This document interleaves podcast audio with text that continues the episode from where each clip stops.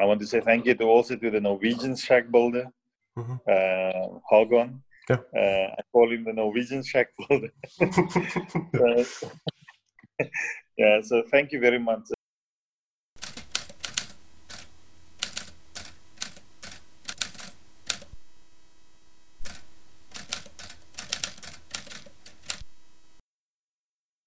Velkommen til ei rommehistorie, som er en del av Portrettpodden, med meg, Mats Lasse Jangås. Ønsker du å vite mer om denne podkasten, så kan du lete opp Portrettpodden på Facebook. Der finner du alt du trenger å vite. Stemmen du hørte, tilhører Quentin Adams, mannen som også blir kalt The Shack Builder of South Africa, som jeg intervjua i forrige episode av Portrettpodden. Og I denne rammehistorien så skal vi holde oss til Quentin Adams og det viktige arbeidet han og hans kollegaer gjør i Sør-Afrika. Men vi skal se det fra litt annet perspektiv. Vi skal snakke med Håkon Birkeland Toft, som har vært i Sør-Afrika og jobba med Quentin Adams. Vi skal høre litt om hvordan det var å jobbe med prosjektet, hvordan tanker han har gjort seg, og hvordan minner og inntrykk han sitter igjen med. Og med det ønsker jeg dere god fornøyelse. Uh, du har da jobba med, med Quentin i Sør-Afrika. Altså, Hvordan, hvordan, uh, hvordan kom dere først i kontakt? Jo, eh, vi kom i kontakt gjennom et eh, ungdomshus i Tromsø som heter Tvibit. Mhm. Det er et uh, ungdomshus som jeg har uh, hatt kontakt med og jobba med i ganske mange år. Uh, brukt veldig mye. og som også har en del kontakter i Sør-Afrika. Mm. Bl.a. gjennom utvekslingsprosjektet deres Screen. Screen er, ifølge Tvibets egne hjemmesider, et fredskorpsprosjekt med partnere i Kenya, Sør-Afrika og da Tvibet i Tromsø. Prosjektet fokuserer på film gjennom deltakelse i produksjoner, opplæring og arrangement.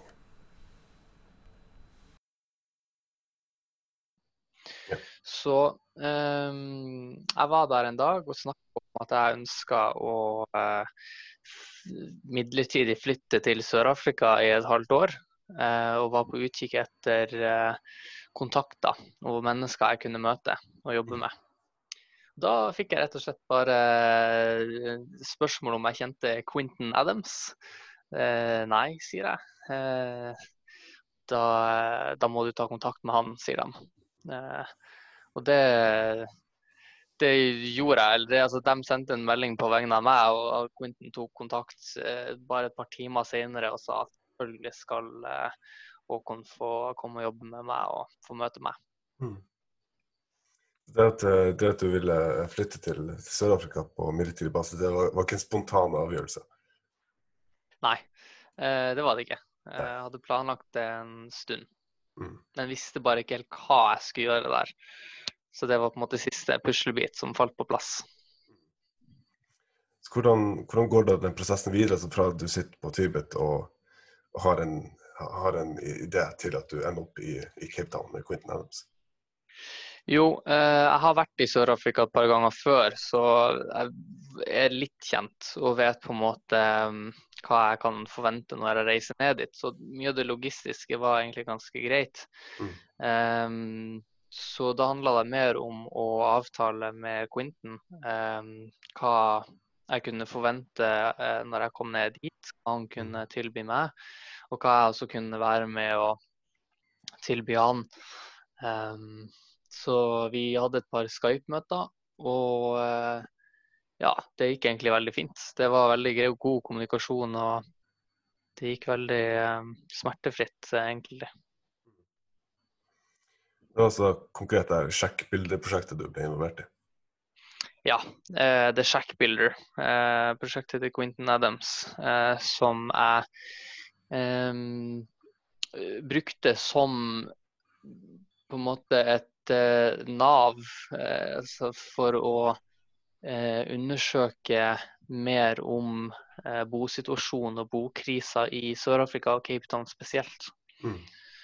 For det er et eh, ganske mm, komplekst og eh, multidimensjonalt problem som strekker seg over flere områder. Eh, med arbeidsledighet, fattigdom, da har Quentin ekstremt mye kunnskap og historie og tilgang på dokumenter som jeg fikk innsyn i og fikk lese og, bruke da, for å få et bedre blikk på situasjonen. Du eh, reiste ned til, eh, til Sør-Afrika eh, med en sånn kvasi-konkret plan i hodet. Altså, hvordan eh, altså, hvordan type arbeid hadde du, du gjorde det konkrete med Quentin? Ja, absolutt en kvasi-konkret plan, vil jeg si. Det var jo litt av planen at jeg ikke skulle ha en veldig strukturert reise. Jeg ønsker å bo for meg sjøl, jeg ønsker å styre hverdagen min ganske in, altså individuelt da, fra andre. Og så var jeg utrolig mye med Quentin. Uh, og kjørte rundt med han, snakka mye med han. Han viste meg de forskjellige slumområdene, Kailicha og Freedom Farm, der han jobba. Um, og jeg bare holdt på å si, grave så mye jeg ville i, i hjernen hans uh, etter informasjon som jeg var ute etter. Og så brukte jeg mye tid på å snakke med andre mennesker som jeg møtte. Uh, og prøvde på en måte å få uh, ja, snakka med så mange som mulig. Mm. Quentin var litt innom Kalicha i, i episoden. Kan du beskrive hvordan det, det så ut der? Eh, ja, det er jo litt vanskelig, for det er så vanvittig svært. Mm. Eh, og det består av en, en formell og uformell del, hvor du har områder som er altså, relativt eh, strukturert med infrastruktur og Um, de har veier, noe form for elektrisitet. Um, felles um, bad og do.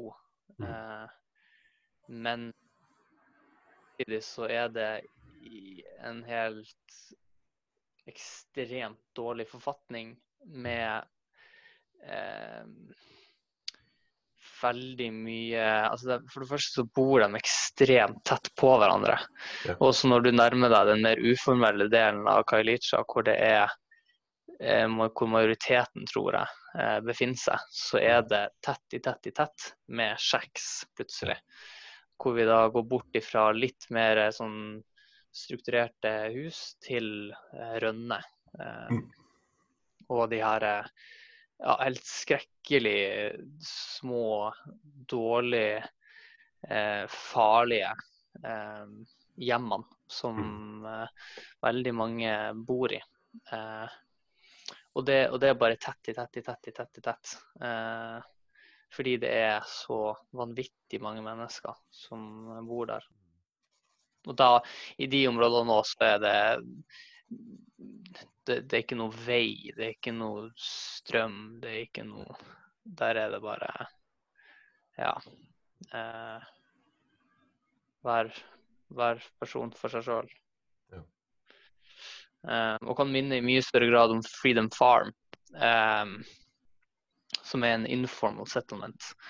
Eh, en bosetning hvor det det er ikke noe Altså det, det Hvis man ser for seg en, et svært område eh, på, en, på, en, på en gård hvor det bare er flatt jorde eh, uten noe som helst struktur, så har bare 5000 mennesker endt opp der eh, og bygga seg et liv eh, ut ifra ingenting. Um, så det, og det er på en måte ikke de, de, har ingen elektrisitet. De har et par vannkraner eh, som fungerer som dusj og ja, alt du trenger vann til, egentlig. Får dem fra de her små, skrøpelige vannkranene. Eh, ganske vanskelig også når man ikke har vært der sjøl, men det å altså, i utgangspunktet vanskelig å forestille seg eh, hvordan type forhold det må være når man sitter i segaleilighet og Ja, jeg husker, hvis jeg får ta en, en liten sidehistorie, Vær så god. så husker jeg spesielt snakka med ei dame eh, som hadde fått brent ned. Altså, de sliter jo veldig mye med brann i eh, de eh, i de shacks i slummen, i slumområdene. Shack fires. Mm. Um, eh, og det var en brann som altså Jeg tror det var over 340 kjeks som hadde brent ned på en natt. Over 1000 mennesker hadde mista hjemmet sitt.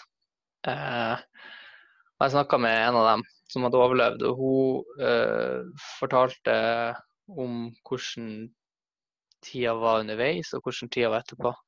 Så spurte jeg henne hva som liksom er for henne, hva er hovedforskjellen på det samfunnet som hun bodde i, og et samfunn hvor det er eh, mer, mer velstand. Uh, altså tryggere, trygge omgivelser og hus og strøm og skole. Og da sa hun at uh, kanskje det mest banale er at uh, i, i de mer velstående husene og områdene, så har de eh, toalettet inne i huset. Eh, og så tenkte jeg litt sånn at eh, ja, det er jo Selvfølgelig, det er sikkert deilig det å kunne slippe å måtte stå opp på natta og Mm. vandre ut for å gå på do. Altså du bare går i, i naborommet. Men så begynner hun på en måte å fortelle da om en historie om ei jente som som har gått ute altså i åtte-ni-tida eller noe sånt. Eh, da er det bekmørkt for å gå på do. Eh, ender opp med å bli voldtatt og drept. Eh, og og det er liksom plutselig bare én av veldig mange sånne historier. Det er jo, som Quentin også pratet om, det er jo gjerne de sjeksene, det er jo gjerne ett rom hvor hele familien bor og lager mat og går på do og, Ja, ja. ja, og diverse. Og på kveldene kommer da rotter inn og leter etter mat og eh, ja, en bit på barn og Det er Ja. Ja, det Det, det, det, er altså- det helt, helt eh, ekstreme tilstander. Ja, og så, og så tror jeg det er noen tilstander som gjør at eh, det, det er nok veldig Det kan nok være lett å se på det utenfra og tenke at men det handler jo bare om å ta seg sammen, eller om å bygge det litt bedre, eller om å rydde. Altså det er så mye søppel eh, at de må brenne det eh, nesten hver eneste dag i sånne svære hauger som sprer giftige gasser eh, overalt. Eh, og det, det er så utrolig fint, samtidig så utrolig trist å få møte de menneskene, fordi da får man et innblikk i at det her er- handler om overlevelse. Det her handler om at de har absolutt ingenting. Eh, de får ikke hjelp fra staten, og så skal de på en måte allikevel opprettholde et liv som er verdig.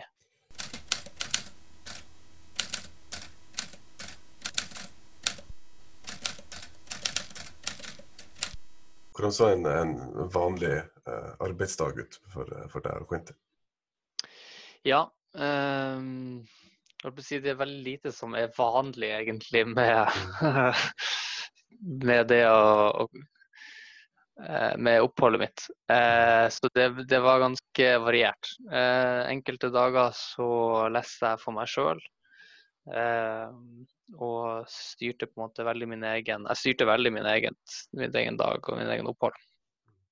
Eh, mens andre dager var jeg med til eh, Freedom Farm, som var bosetningen eh, Quentin først og fremst jobba. Og da var jeg med og bygde eh, opp eh, samfunnskjøkken, blant annet, og eh, også noen veldig nye og forbedra hjem til eh, noen av de familiene som bodde der. Og da brukte jeg mye tid på å snakke med de som bodde der. Um, fikk komme inn på besøk til noen av de som bodde der. Um, og ja. Brukte selvfølgelig også mye tid på um, Jeg bodde på en, en campingplass uh, ganske lenge. Uh, og brukte mye tid på å snakke med de menneskene som bodde der. Hvordan uh, så det i praksis ut når, når dere bygde samfunnskjøkkenet og, og Kjeks og Uh, Quentin er en one man band. Han uh, sto for det meste av det praktiske. Så vi kunne først kjøre og hente treverk. Mm. eller de her sinkplaten som de bruker til å dekke strukturen med. Mm. Um, og så hørte vi som oftest til da bosetninga, uh, Freedom Farm. Mm. lempa av alt utstyret og meg. Og så har de gutta som jobber der, han jobber hovedsakelig med mennesker som bor i og kommer fra samfunnet sjøl. Okay. og har lært dem opp noen eller Jeg tror nok ikke det er Quentin sjøl som har lært dem så veldig mye, det vet jeg faktisk ikke. Men jeg vet at det er en del av dem som har mye erfaring fra før. Det er jo mange av dem som har jobba mye med praktisk arbeid og eh, bygningsarbeid.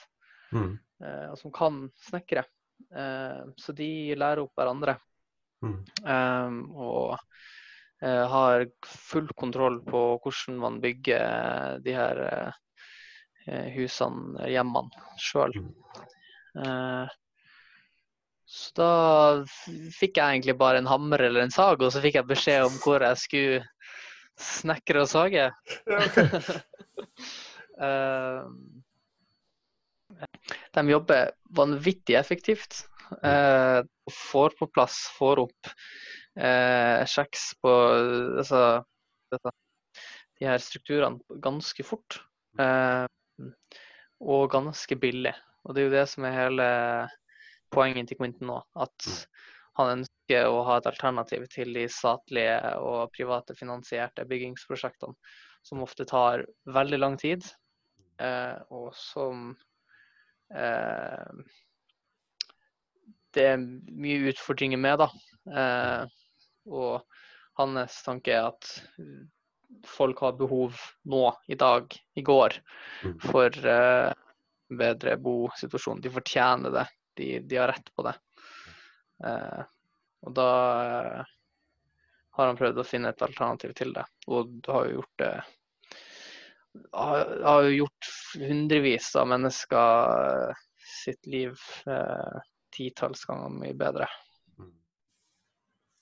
Jeg uh, kom til å være inne på at en sånn sjekk koster 17 000 sørafrikanske rand som yes. eh, er omtrent 10 000 kroner.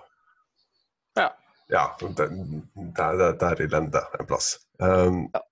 Som altså i, altså i, i, norsk mentalitet så høres det jo ekstremt billig og overkommelig ut, men altså det det, det, er mye. Det er mye mer enn dem, altså en vanlig gjennomsnittslønn.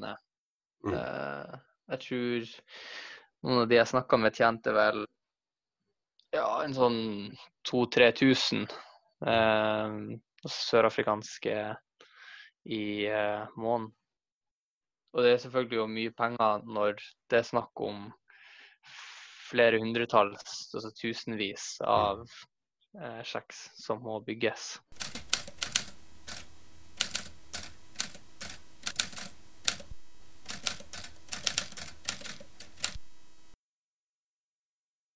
Hva er de um, Kanskje litt, litt vel åpent spørsmål. Hva, hva er de, de, sterkeste minnene som, som sitter igjen etter, etter en tur? Ja, det er kanskje um, Altså, det er nok forskjell på de sterkeste inntrykkene og de sterkeste minnene. Eh, mm. De sterkeste inntrykkene er definitivt når jeg var i Freedom Farm og jobba. Og um, ja, Jeg husker spesielt en dag hvor vi står og snekrer, og så kommer det plutselig en fyr par eh, ja, 50-80 meter unna, eh, som eh, har bare et eh, Jeg tror han bare går ut i bokseren eller noe sånt. Eh, går ut, og så går over den lille grusveien eh, og går bort til vannkran, og så begynner han å dusje eh, og begynner å vaske seg. Eh, og det ble noe sånn der eh, merkelig krasj av kultur og eh, Ja, var, jeg hadde liksom ikke engang tenkt over at de har jo ikke dusj der. Eh, spesielt jenter som på en måte er mer utsatt. Eh, når man vet hvor viktig hygiene er for helse. Eh, Pga. også de forholdene de bor i. Så er det, altså, og for mental helse, ikke minst, så er det helt absurd å tenke på at du, den eneste måten du får til det på, er å stå midt i åpent eh, lende og ja eh, gjøre det foran alt og alle. Så er det en sånn eh, Eller det er kanskje mer riktig å si at de er realistiske. Altså de, så det er en sånn mental styrke der. De har tatt inn over seg hvilken situasjon de har, og eh, at det er vanvittig vanskelig å gjøre noe med. Samtidig som de hver dag når de står opp, prøver å gjøre noe med det. Hvis jeg skulle blitt flytta inn i, i en bosetning og bodd der i en måned, så hadde jeg knekt sammen ganske fort. Eh, fordi du mister alt av på en måte alle banale eh, behov. Eh, så det det sitter nok veldig igjen. Og så husker jeg veldig godt alle bilturene med Quentin. Eh, og alle samtalene, alle timene vi har diskutert og snakka. Og skal selvfølgelig tilbake og Ja. eh, Så det Det er bare en, en del av En del av reisen eh, Mm. som er langt fra over. Ja, for jeg hadde tenkt å spørre om, om, du, om du hadde planer om å reise tilbake. Det har du jo tydeligvis. Ja, klart. Eh, Det er, uten tvil. ja, er det sånne konkrete planer? Så når denne situasjonen løser seg, så skal jeg rett tilbake? Eller er det Eh, nå er det jo ganske deilig, egentlig, eh, at jeg trenger ikke planlegge, eh, føler jeg, eh, at når jeg skal tilbake. Jeg, det skjer ganske spontant eh, hvis jeg først får behov eller har mulighet. mm. Nå studerer jeg på fulltid og eh, vil nok prøve å finne måter å kombinere studiet mitt på eh, og eventuelt kunne reise ned. Mm. Eh, så det Sør-Afrika og Cape Town kommer nok alltid til å være en del av livet mitt. Mm.